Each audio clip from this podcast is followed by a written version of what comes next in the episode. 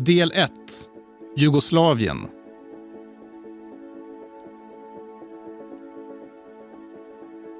Jag kommer från Zenica som är i centrala Bosnien.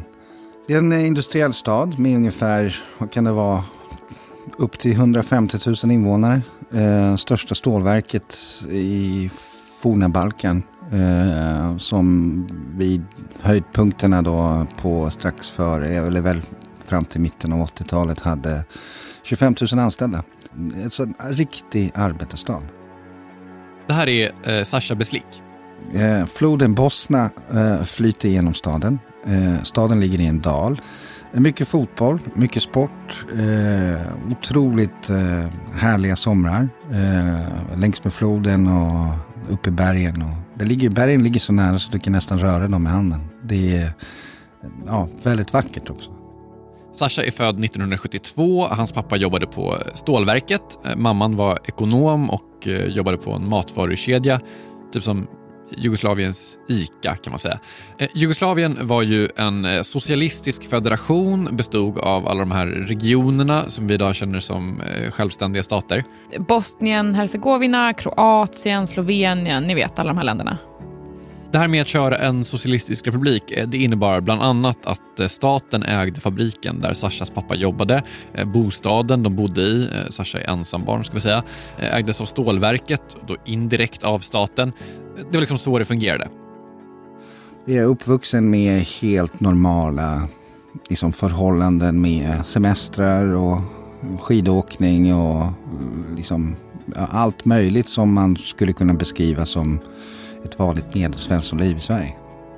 Jag anar ett men. Men. Ända sedan andra världskriget hade Jugoslavien dragits med eh, stora ekonomiska problem. Skyhög arbetslöshet, låg produktivitet. Alltså, de här företagen de drevs kanske inte på det allra mest effektiva sättet. Och en massa unga duktiga människor valde helt enkelt att flytta och jobbade utomlands. De flyttade inte minst till eh, Västtyskland. Och till Sverige faktiskt. Ja, och för att betala offentliga löner så tvingades Jugoslavien låna massa, massa pengar. Pengar som man kanske inte kunde betala tillbaka. Och sen så hade landet också en nästan obotlig inflation. Stressen, jag minns, alltså som barn så minns jag stressen kring det här. Att man, inflationen var en svart skugga, liksom som alla pratade om. Den här inflationen, den var ingenting som plötsligt dök upp utan den liksom sipprade ner i samhället och i folks medvetande mer och mer år för år. Och Sasha minns hur föräldrarna någon gång på 80-talet började spara pengar i tyska D-mark istället för i dinarer som Jugoslaviens valuta hette.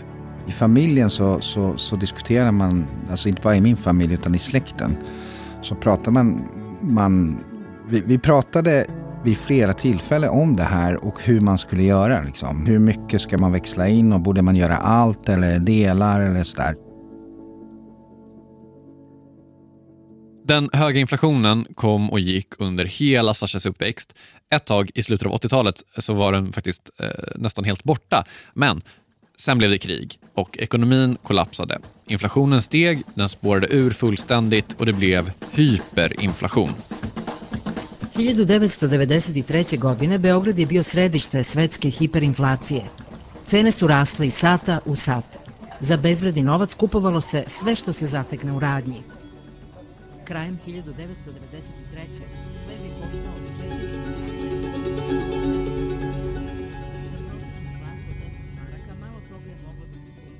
4 Systemet är ju chocktillstånd.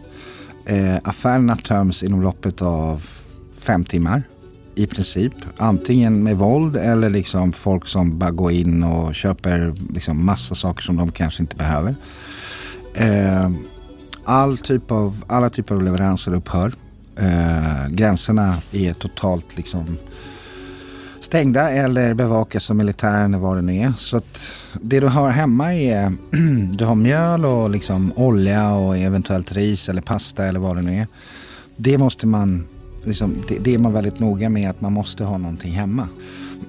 så det, och dess, sen sätter man sig och diskuterar hur lång tid har vi liksom. Hur, till slut så hade jag, mina föräldrar och jag innan jag flydde 93 så, så åt vi en kopp kokt ris om dagen vid tre. Fruktansvärt. Eh, verkligen. Eh, och mellan 1992 och 1994 så upplevde det som fanns kvar av Jugoslavien en av de värsta inflationerna i världshistorien. Om det var kriget i sig eller inflationen som orsakade störst skada på ekonomin, eh, det är lite svårt att säga. Vad är det ena och vad är det andra? Men det man kan säga är att när allt var över så kostade en limpa bröd 4 miljarder dinarer och en hel generation blev av med sina besparingar. Jugoslovenska hiperinflacija najduža je u ekonomskoj istoriji. Trajala je 24 meseca. Najveća je bila i po mesečnom intenzitetu.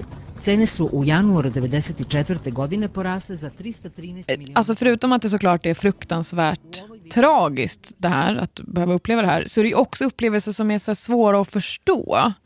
Alltså dels för att man då, eller man, jag, du och jag saknar egna erfarenheter av att ha liksom, eh, varit med om det här. Men också när man tänker på hur det låter på nyheterna här hemma i Sverige. Alltså inflation är ju någonting som vi vill ha. Det går ju liksom inte en vecka utan att det är någon på nyheterna som säger att inflationen i samhället är för låg. Nej, och jag tycker det här illustrerar en grej och det är att inflation är ett fenomen som har jäckat samhällen av och till så länge den moderna ekonomin har existerat i princip. Och det är väl lite för att det här är inte en, en, en vetenskap. Det är ingenting man är säker på. Man har faktiskt inte ens kommit överens om vad inflation är för något eller om det är önskvärt eh, eller inte. Eh, vi kommer tillbaka till det för övrigt. Vi ska i alla fall göra vårt bästa för att reda ut det här. Vad är inflation? Vad beror inflation på? Och vad får den här inflationen, som många faktiskt vill ha, att bli någonting som man absolut inte vill ha? Hyperinflation. Vi träffar Sasha Beslik från Bosnien, Vonekai Musima från Zimbabwe, Patricia Alvaro från Venezuela och så till sist världens främsta inflationsjägare, ekonomen Steve Hank. Nu åker vi.